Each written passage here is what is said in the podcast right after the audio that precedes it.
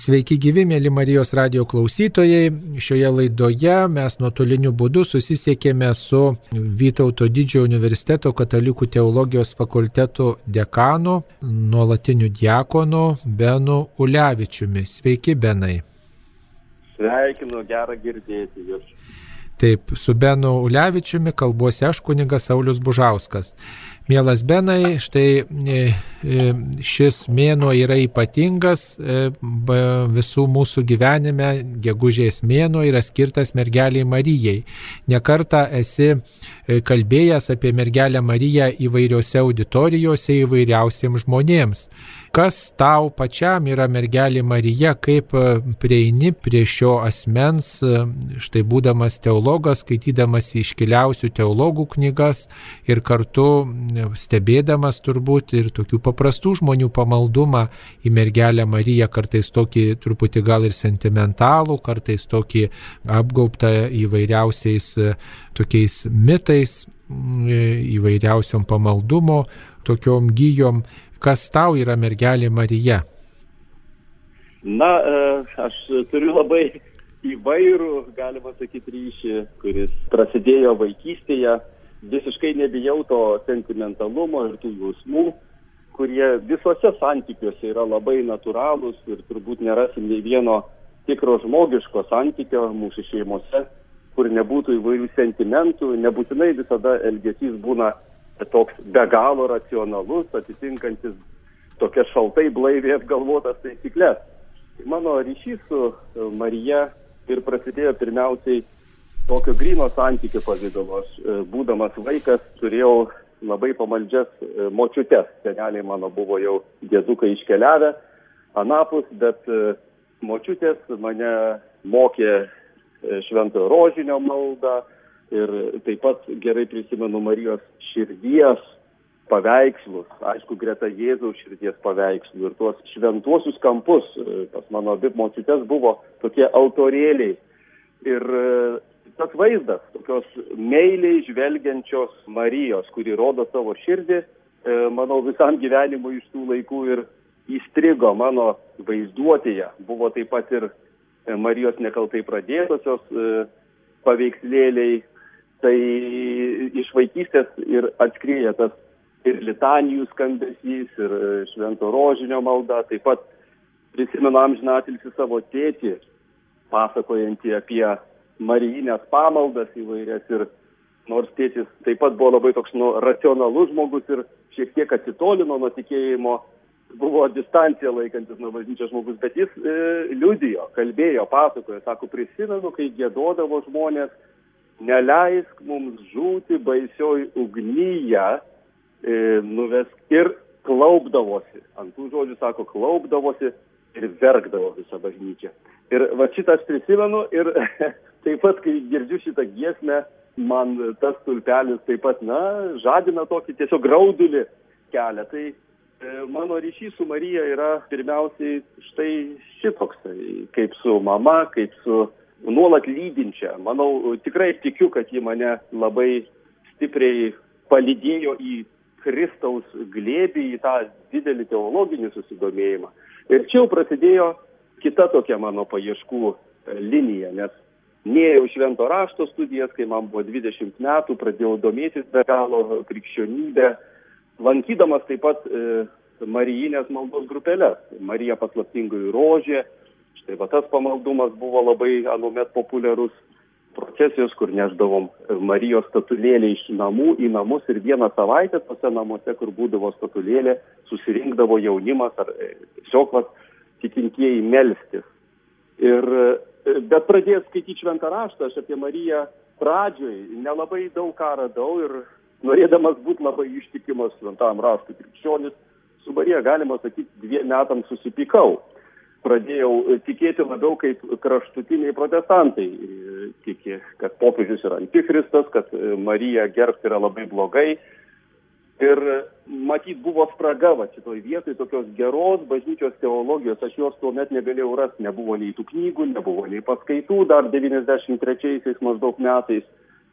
Ir e, vėliau buvo tiesiog gaivaus tokio oro, kai išmokau skaityti anglų kalbą ir atradau tokius teologus kaip Scott Hannas, Brent Petris, kurie apie Mariją kalbėjo kaip apie Mesijo mamą. Ir jie pasakojo, kaip Jėzaus laikų žydai suprato Mesijo mamą ir kad ta Mesijo mama be galo reikšminga, kad Davido karalystėje buvo motina e, karalienė, ne žmona karalienė būdavo, bet mama būdavo karalienė. Ir ta mama karalienė turėdavo sostas, jos stovėdavo valdovo sosto dešinėje. Ir man staiga va tada tokia paskutinė trūkstama gija susijungia. Ir aš atsimenu, taip tokį, tokį na, lengvai atsikvėpiau, kad tai vadinasi, katalikų bažnyčia visada buvo teisi. Vadinam mes Mariją dangaus ir žemės karalienę, ne todėl, kad mumise yra kažkokių pagoniškų instinktų, kuriem baisiai trūksta motinos žemės. Taip mėgdavo kai kurie skeptikai vertint mūsų pamaldumą. Ne, mes iš tikrųjų esame bibliniai žmonės ir pačiame šventajame rašte aiškiai yra pagrindas štai tokiems titulams. Marija kaip karalienė, Marija kaip aišku e, Jėzaus motina, tai man net niekad paskui labai buvo aišku, kad jeigu ji yra Jėzaus mama, o Jėzus yra mūsų pirmasis brolis, jis yra pirmgimis tarp brolių ir sesių, tai be abejo Marija yra mūsų mama. Ir čia tęs toliau jau kalbėti apie šventą raštą, kaip labai aiškiai Naujajame testamente matom, jog evangelistam Marija yra brangi, jie visą dėmesį skiria Jėzui, bet Marija yra raktinis asmuo, jiems tą Jėzaus ypatingumą atskleidžiant, aiškinant. Tik tais reikėtų nežvelgti į Naująjį Testamentą šiandieninio vakariečio akimis, bet labiau Jėzaus laikų žydo akimis. Ir štai iš kur mes turime tą pamaldumą Marijai ir jis nėra atsiradęs e, viduramžiais ar vėliau, jis tikrai krikščionių aktyvojoje krikščionybėje jau aiškiai buvo matomas. Tai va toks mano dvigubas, galima sakyti, ir vientisas kartu santykis. Jis pagrystas tokiu grinai žmogišku ryšiu su mūsų tikėjimo, su mama e, Marija.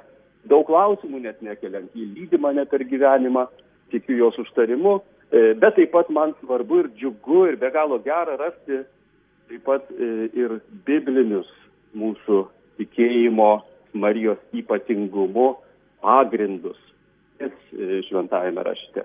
Na, minėjai apie litaniją, kurią štai meldėsi tavo šeimos narė ir kurią tekdavo girdėti, ypač gegužės mėnesį mes tą litaniją dažnai meldžiamės e, švenčiausiosios mergelės Marijos Loreto litaniją. Ir ten yra įvairių kreipinių, kuriuos žmonės moka mintinai ir iš visų tų mergelės Marijos apibūdinimų, o taip pat galbūt ir iš tų apibūdinimų, kuriuos esi skaitęs literatūroje, teologiniai literatūroje, koks tas kreipinys į mergelę Mariją būtų artimiausia širdžiai arba kurį gal dažniausiai ištari melsdamasis į mergelę Mariją.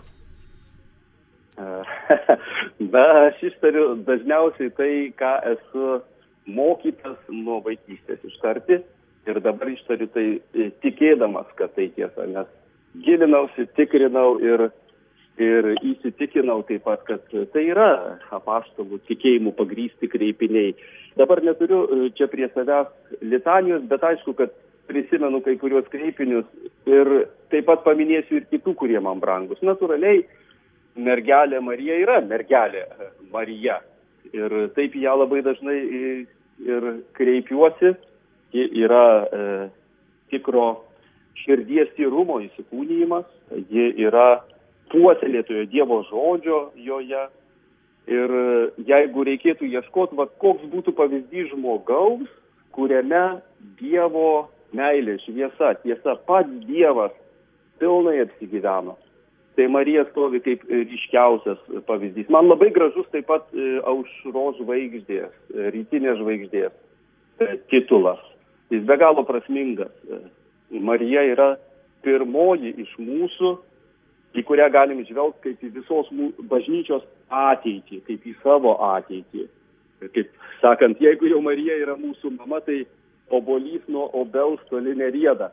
Ir ta rytinė žvaigždė, ji ten horizonte pasirodo, kas esam, e, esam matę tą nuostabų vaizdą, tai ryškus mūsų laiko ženklas. E, ji yra viltis. va sušalusiam naktyje, sargybiniui arba piemeniui arba keleiviui. Rytinė žvaigždė, saulės dar nėra, bet tu turi saulės pažadą.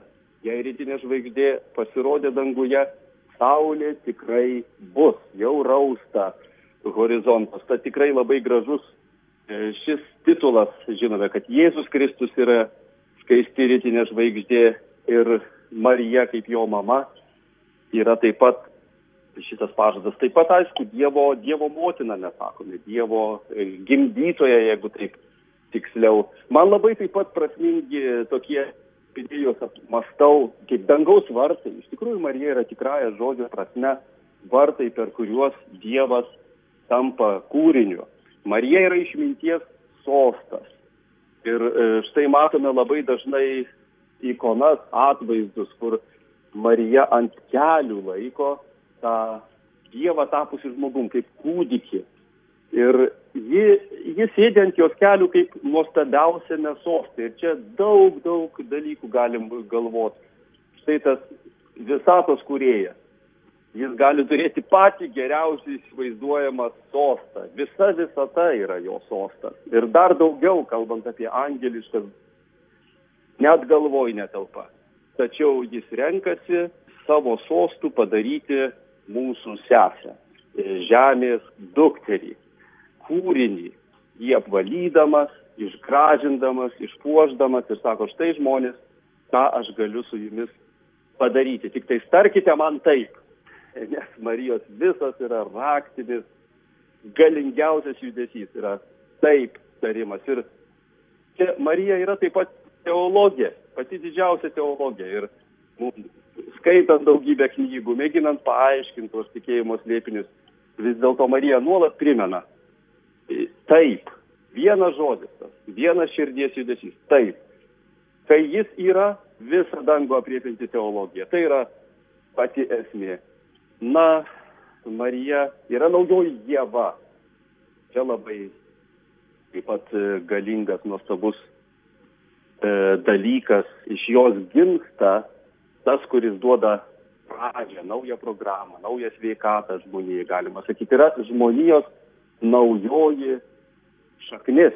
Bet jis ne tai, kad nubraukia mūsų žmogiškąją senąją šaknį, mūsų tą trapę žmogystę, bet jis sako, aš būsiu įskiepytas į žmoniją. Mes, mesgi girdime, kad Jėzus yra vynmedis ir mes jį turime įskiepyti, bet kartu reikia prisiminti, kad, kad tai nutiktų, Dievas tapo žmogumi, kad pirmiausiai pats būtų įskiepytas į Adomo šaknį, į mūsų žmonijos kamieną. Ir iš jo tie syvai gydantis gydo visą tą medį. Na, dar gal paskutinį iš tikrųjų, va tas labai galingas, oi, porą, negaliu net sustoti čia, šioje vietoje, dangaus ir žemės karalienė yra taip nuostabu. Ir jei žinome Dovido karalystės struktūrą, kur jau minėjau, mama valdovo buvo karalienė ir kiekvienas valdovas šventajame rašte pristatomas iš karto su savo motina. Tai rodo, kaip mama buvo svarbi. Visi tikėdavosi išgirsti ir mamos vardą paminėjus tą valdovą. Tai kai Marija laiko ant kelių kūdikį, mes matom tą Dovido karalystės, o šiuo atveju ir dangaus ir žemės karalystės, motina karalienė, kuri išdidžiai mums su nuolankumu, bet ir didelė meilė rodo šitą naują valdovą. Gi visi tie valdovai sėdėdavo savo mamoms ant kelių. Na ir gal paskutinis toks tikrai galingas, kad Marija yra naujoji sandoros skryne.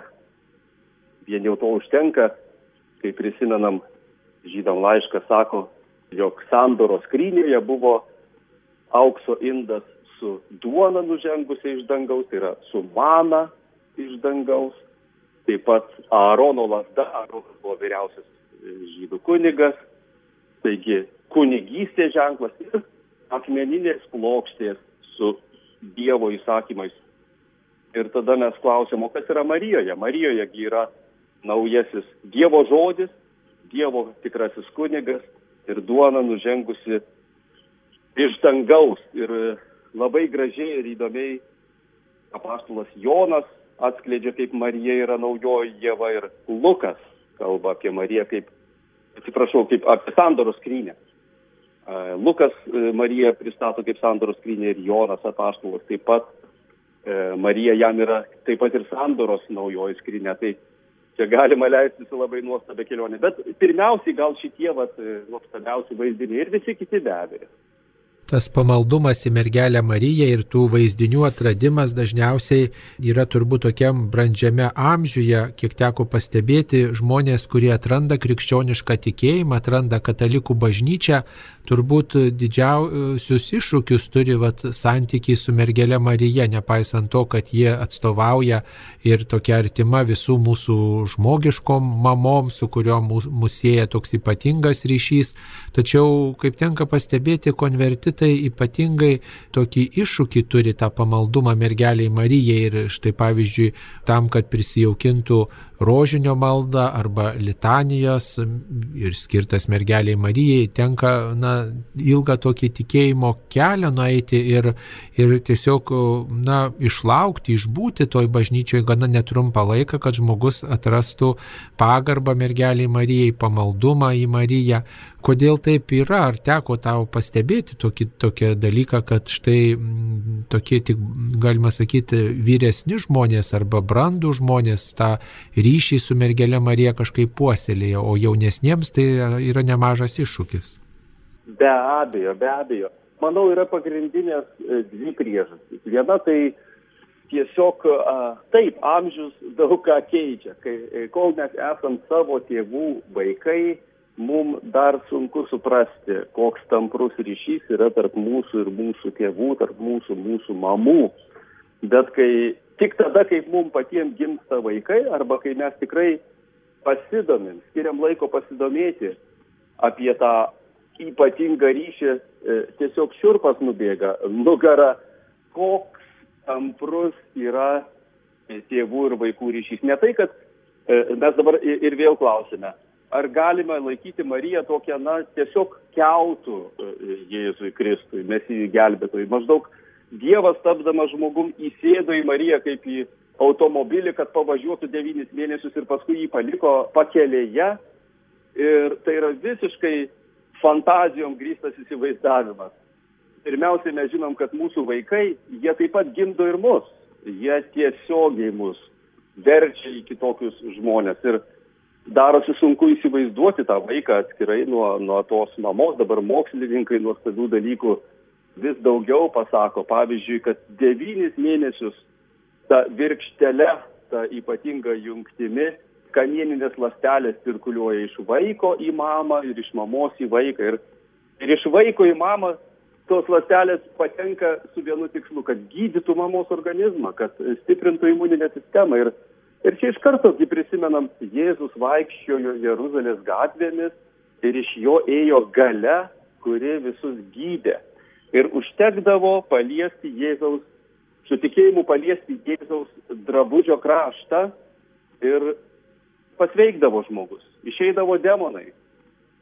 Ir yra šitam pasaulyje vienintelė būtybė, kuri Jėzų, tą iš kurio eina gale, gydanti, apvalanti, ji lietė ne akimirką per drabužio kraštą, bet devynis mėnesius virkštelė yra devyni mėnesių virkštelės ryšys su tuo, iš kurio eina gale, gydanti viską ir apvalanti. Kaip, kaip po to sakyti, kad ta moteris niekuo nesiskiria visiškai nuo mūsų?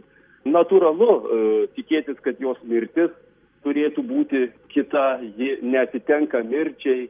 Taip pat natūralu tikėtis, kad tam, kad jie atlaikytų tokį ryšį, ją Dievas turi apvalyti nuo nuodėmės, nes nuodėmė yra konfliktas su Dievo šlovė. Dievo šlovė yra toks nepakeliamas dalykas, šventajam rašte sakoma, kad negali matyti Dievą ir likti gyvas, o čia ne tai, kad matyti. Tavyje devyniems mėnesiams apsigyvena ta Dievo šlovė, į kurią Mozė nedrįso pažvelgti, Elijas nedrįso pažvelgti. Ir tada mes ar drįstume sakyti, na, ta moteris lygiai tokia kaip ir mes, e, pilna nuodėmių, apsigyveno joje Dievo šlovė, bet nieko tokio.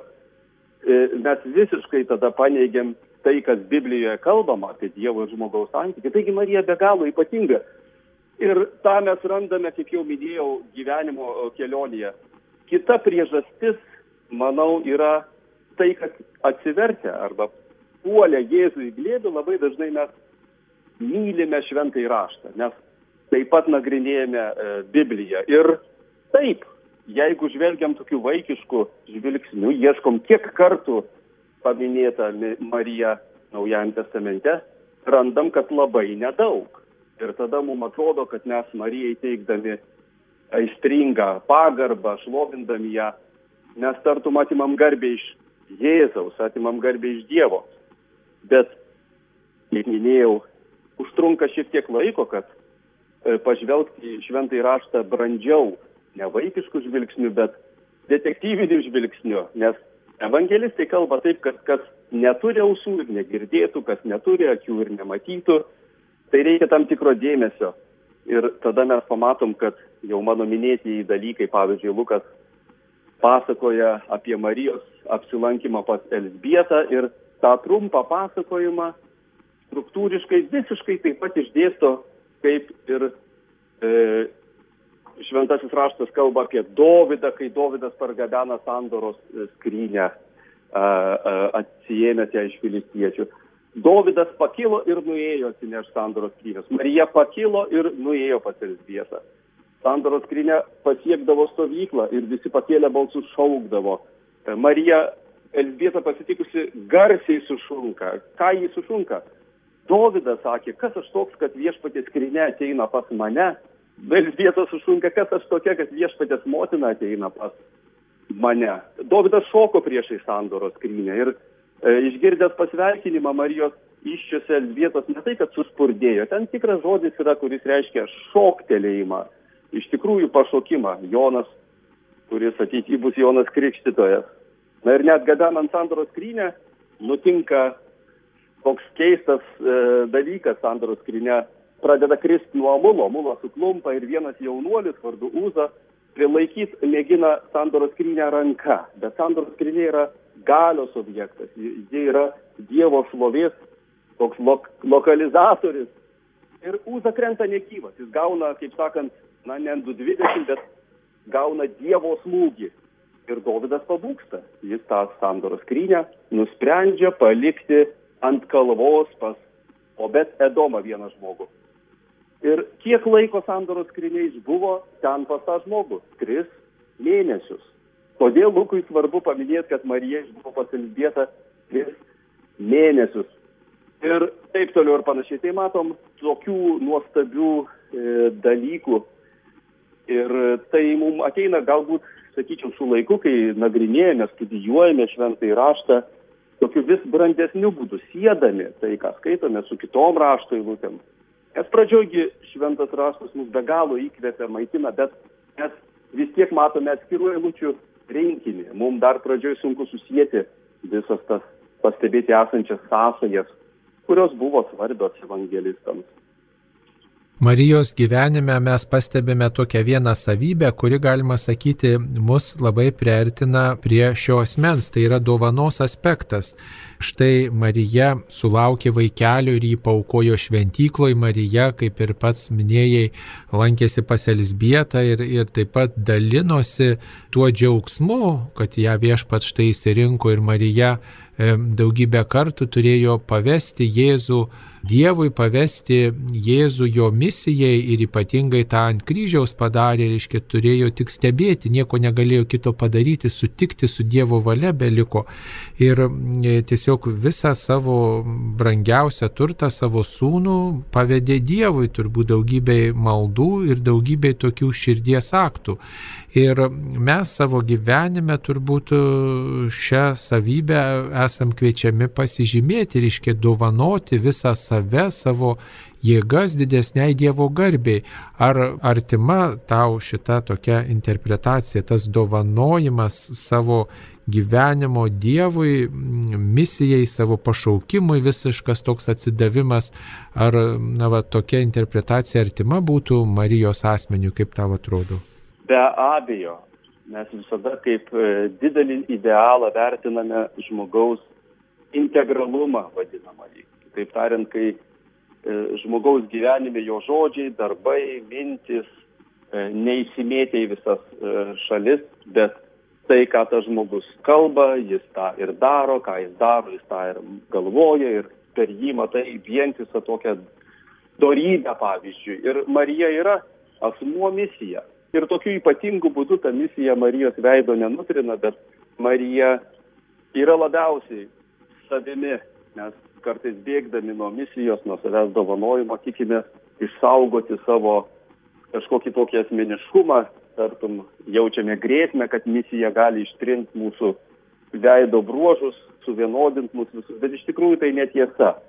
Jeigu tai nėra kokio nors totalitarinio režimo primesta prievolė, bet iš žmogaus atnaujintos širties plaukiantis pašaukimas, tai tas pašaukimas mus vis labiau gražina, daro vis gražesniais. Aišku, man tikrai lengva taip kalbėti, bet gyvenime visiems mums būna iššūkių e, nugalėti mumise esantį egoizmą, norą užsisklęsti, norą rūpintis tokiais trumpalaikiais kažkokiais džiaugsmais, kurie neteikia gyvenimui ilgalaikio skonio. Bet tokie mes jau esam įstrigę tarp mūsų senųjų impulsų ir su pasitikėjimu atidavę save vis dėlto Dievui, kad jis tirpdytų mumise tas senas priklausomybės. Man labai įspūdinga pasirodė vieno psichoterapeuto mintis, jis kalbėjo apie vaizdinį Marijos, kaip mamos laikančios kūdikį ir e, labai aštriai pastebėjo, kad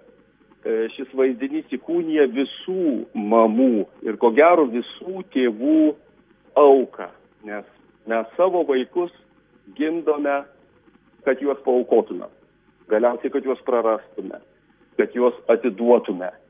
Ir tai yra paradoksas. Vaikas tėvų gyvenime yra tai, kas yra brangiausia. Bet ar galėtume įsivaizduoti sąmoningą tėtį arba mamą, kurie savo vaikui sakytų, vaikelė, žinok, tavo gyvenimo uždavinys likti gyvam kaip įmanoma ilgiau. Lipk per visų galvas, jeigu reikės žudyk, jeigu reikės apgauk, tik tais išsaugok savo gyvybę dar vienerius metus. Būtų baisu. Suprantam, kad tėvai iš tikrųjų vaiką moko, jie yra sąmoningi, vaikeli, surask, kas gyvenime yra vertinga, svarbu ir kas verta net ir tavo gyvybės kainos. Nes gali ateiti diena, kai tavo gyvybės bus pareikalauta. Ir aš kaip gera mama, kaip geras tėtis, didžiuosiuosi, ne, kad tu išsaugosi savo gyvenimą dar pusmečiui, bet jeigu tu žūsi ne dėl menkaverčių dalykų, bet dėl meilės, dėl tiesos.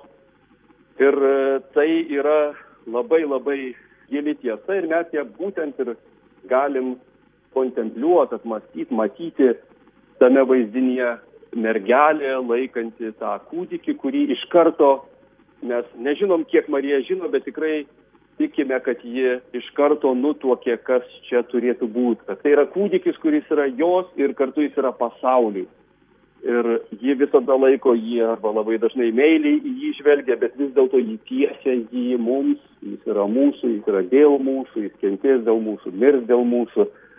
Ir Marija stovi po kryžiumi, Marija visur yra greta Jėzaus. Yra daug labai diskusijų dėl Melo Gibsono filmo Kristaus kančia, be abejo, ten yra tokių gal vaizduotė traumuojančių scenų, nes tikrai Jėzaus kančia buvo vaizduotė traumuojanti, neįmanoma nesudrebėti vien jau skaitant apie tai, kokiais būdais būdavo tie kankinami ir kryžiuojami žmonės ir Jėzus patyrė tai. Bet tame Gibsono filme man vienas iš nuostabiausių dalykų vis dėlto buvo toks, toks tylaus Marijos ir pilno Marijos susistavimo parodimas. Ir jei prisimena tą sceną, Jėzus krenta po kryžiumi ir prie jo prišoka Marija, jo mama. Ir Jėzus vos ne vos keldamas įsako, tai, mama, aš visą darau naują. Ir tu matai tą tokį be galo galingą sceną. Kitaip tariant, Marija yra, kaip mes katalikai tikim, ir bendrininkė šitame malonės darbe. Bendra, sakoma, atpirkėja, ne iš jos plaukia išgelbėjimas, bet jeigu galite įsivaizduoti gerą mamą, kuri savo vaiką išleidusi pasaulį, toliau gyvena savo gyvenimą niekad nedalyvaudama to vaiko skausmuose, džiaugsmuose, tada galbūt, bet turbūt tokią mamą net ir paprasčiausia sunku įsivaizduoti. Dėja būna visokių atvejų. Marijos atveju mes tikime, kad ji kaip pati geriausia mama visada nešė toliau dvasiniu būdu ir psichologiniu būdu ir visai kitaip savo sunaus misiją. Čia dar pridurčiau, mes katalikai labai stipriai tikime, kad esame visi susiję. Mes esame mistinis Kristaus kūnas. Ir vien jau tai, kad ta Marija yra šitame kūne, tai yra ji yra lastelė, sveika išgydyta lastelė, narys, tai ji ir yra tarpininkė tos malonės, nes per ją taip pat teka ta sveikata į mus kaip kitas lasteles. Ir tai, kas Jėzuje yra ir joje, mes turim tą bendruomeninį mentalitetą šio požiūriu. Ir jeigu jau Jėzuje yra kažkas gražaus ir gero, tai iškart pradedam tą matyti ir šventuosiuose ir net galiausiai ir mumise tai atsiras. Visa, kas yra Marijoje, yra pranašystė apie tai, kas manyje ir kiekviename iš mūsų bus.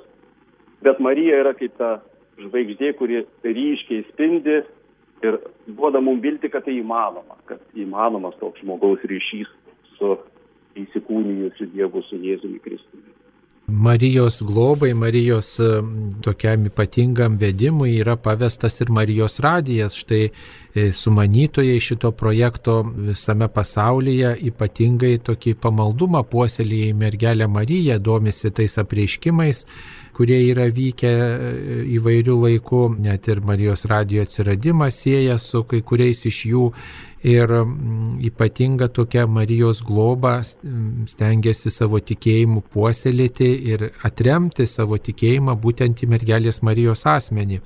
Kaip tą dovanojimo aspektą jūs pastebite štai Marijos radijo veikloje, Marijos radijo misijoje?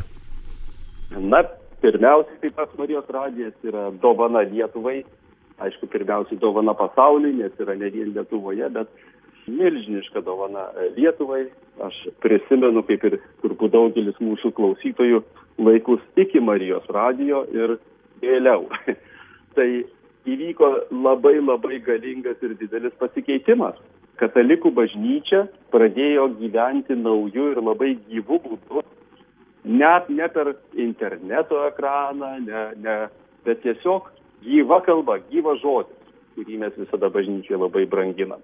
Jis gali būti tavo kambaryje, prie tavo e, lygos pasalo, tavo džiaugsmuose, e, kai tu vairuoji, kai tu keliauji, kai tu kažką dirbi, arba pagaliau gal kai tu ieškai ir atsakymų, nes dabar laidos kataloguojamos, tikrai galima surasti ir internete puikias laidas, kurios padeda gilinti tikėjimą. Tai kitos tokios prilykstančios priemonės, jos nėra, radijas yra iki dabar galingiausia informavimo priemonė, nes net ir neturintys laiko skaityti gali klausyti. Tai nebejoju, kad šita dovana keičia Lietuvos veidą. Ir aišku, mums kaip tikintiesiems be galo svarbu suprasti, mes kartais apsiprantam su gerais dalykais. Sutoktiniai štai nuolat tą patiria. Gyvena vienas su kitu tartum amžiais viskas išliks taip ir niekas nesikeis. Ir staiga vienas susirga, e, negali būti namuose, tenka būti ligoniniai. Arba staiga žinai, kad tą žmogų gali prarasti. Ir tada nubunda visi namuose, sako, kaip mes neįvertinam. Mes e, manėm, kad nesugriaunamas mūsų tėtis ar mūsų mama, ar mano vyras, ar mano žmona. Ką dabar daryti? Padaryčiau viską, kad jis liktų dar su manimi ilgiau. Ir taip gali būti ir su gerais dalykais, tokiais kaip ir Marijos radijas. Štai vat, karantino atveju mes pamatėm, kokia milžiniška vertė yra šito radio ryšio, šito radio eterio. Ir, ir mūsų karantinas tikrai būtų kitoks, jei šio eterio e, nebūtų. Taip pat e, Marijos radijas vienyje be galo stipriai katalikų bažnyčią, nes štai viename eteryje kalba įvairių viskupijų ir ganytojai, ir kunigai, ir pasauliečiai, ir aktyviai dalyvaujantis, ir įvairias patirtis turintys žmonės. Tai yra tokia gyva jungtis ir teikia mums vientisesnį bažnyčios paveikslą. Tai šiuo požiūriu Marijos radijas panašus į Mariją. Tai yra integrali misija balso, asmenų ir to mistinio Kristaus kūno įgyvendinimas šito vaizdinio padovanojimas mums visiems. Tai tokios turbūt būtų mintis Turbūt prie šito Marijos radio gyvavimo gali prisidėti ir visi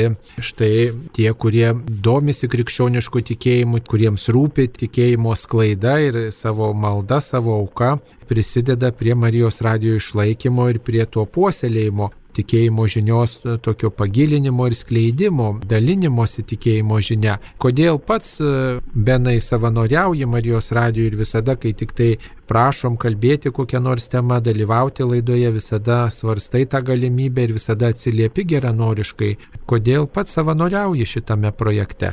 Nes visiškai suprantu jo prasme ir, ir labai gerai suprantu, kad šita galimybė nėra savaime suprantama. Yra daugybė šalių, kur katalikiškas radijas yra uždraustas, trikdomas, neleidžiama transliuoti ir, ir mes turim tokią privilegiją, tokią galimybę. Tad Marijos radio laidom visada skiriu pirmąją vietą, prioritetinę vietą, nes turbūt nei viena kita priemonė Lietuvoje nepasiekė tiek tikinčiųjų, kiek Marijos radijas. Ir todėl mes visi sąmoningi katalikai, na, privalome suprasti, kad esame dalis šitos tarnystės. Tuo, kad klausome, tuo, kad atsiliepiame, tuo, kad užduodame klausimus, bendraujam su pačiu radiju, galima sakyti, palaikome maldomis, palaikome savo finansiniais ištekliais. Senovėje kažkaip žmonėms reikėdavo labai tokių griežtų taisyklių. Štai, vat, jei noriu palaikyti bažnyčios gerus darbus. Tai kokį procentą savo atlyginimo turėčiau paukoti? Seniau tai buvo klausimas formuluojamas ir jie darydavo išvadą, kad 10 procentų būtų toks biblinis principas normalu. Bet šiandien mes katalikų bažnyčiai labai apeliuojame tą samoningumą. Nuolat popiežiai mūsų primena, kad tiek pasninkas, tiek mūsų maldos, tiek mūsų aukos visada sąmoningai turim savęs klausti, kiek galėčiau paremti tai, kas yra tikrai gera ir gražu. Man labai patiko uh, Liuiso pastebėjimas. Kažkas paklausė jo, kaip manai, Klaivai, ar aš turėčiau aukoti 10 procentų savo pajamų bažnyčiai, kaip pavyzdžiui yra įprasta daugelį protestantiškų bažnyčių. Ir Liujisas atsakė, na ne, bet aš įsivaizduoju, tu turėtum keltą klausimą. Jei aš savo gyvenime niekad nepatiriu nepatogumo, dėl to, kad atsisakiau to, kas man brangu, mano išteklių, iš meilės, paremdamas tiesą, meilę, gerą visiją.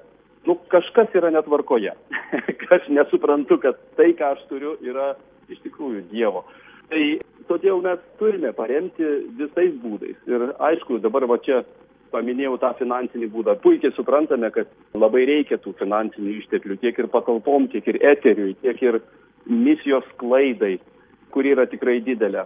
Bet e, ko gero norėčiau baigti va tokių paraginimų paremti radiją tiesiog pasiūlant kitam paklausyti.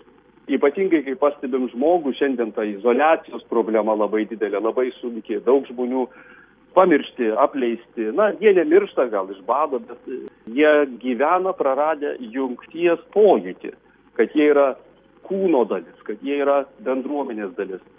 Ir Marijos radijas namuose yra nuostabiausia galimybė pradžiugti, turėti tą pajautą, ryšį su įvykiais, su mintimis, su įžvalgom, su žmonėmis, su kuriais kitų būdų galbūt tu neturi galimybės susisiekti, būti drauge. Tai nuostabi galimybė ir tikrai kviečiu visus ir pats tą darau, rekomenduoti laidas, atsiųsti nuorodas į Marijos radijos svetainę pasidalinti eteriu su brangiais mūsų bičiuliais, draugais, artimaisiais ir, ir visais kitais. Mes daugybę kartų esam girdėję, kad štai jeigu aš pasidalinu ar savo gabumais, ar savo žiniomis, ar savo laiku su kitais žmonėmis, arba savo ištekliais, štai kažkokį projektą atsiliepiu ir atjaučiu, parodau tokį solidarumą, dosnumą, tokią bendrystę, parodau, kad Dievas gražina keliariopai. Ar pats e, benai patyrėjai savo gyvenimo istorijoje, kad štai Dievas į tavo parodytą vienokį ar kitokį dosnumą, vienokį ar kitokį solidarumą kažkaip atsiliepia? Atsiliepė, ar, ar teko gal vat, išgyventi, kaip sakoma, ir savo kailių tokią patirtį? E, na, aš nuolat tą išgyvenu, e, man būtų gal nedrasu tai visiškai suvesti į formulę, kad tas gerumas Dievo ir dosnumas, kurį patiriu, yra rezultatas mano paties tokio skurdaus dosnumo bet e, esu patyręs tą tiek aiškiai, kad e, kartais, kai net man būna ar tingu, ar e, trūksta energijos, turiu tokį potraukį kažkaip mažiau prasmingai paeikvoti savo laiką, aš tau primenu, aš tau primenu, kad niekada dar Dievo nebuvo apleistas tas, kuriam pavyko būti džiaugsmingam davėjui, nes gali būti burbantis davėjas. Ne, tai geriau negu nieko, bet, bet džiaugsmingas davėjas. Štai čia didelė tikrai paslaptis ir toks e, žmogus, e, jis nuolat patiria keistų naujienų, iš kurių supranta, kad, kad Dievas žino apie jį, kad e, Dievas mato, kur jis yra, kad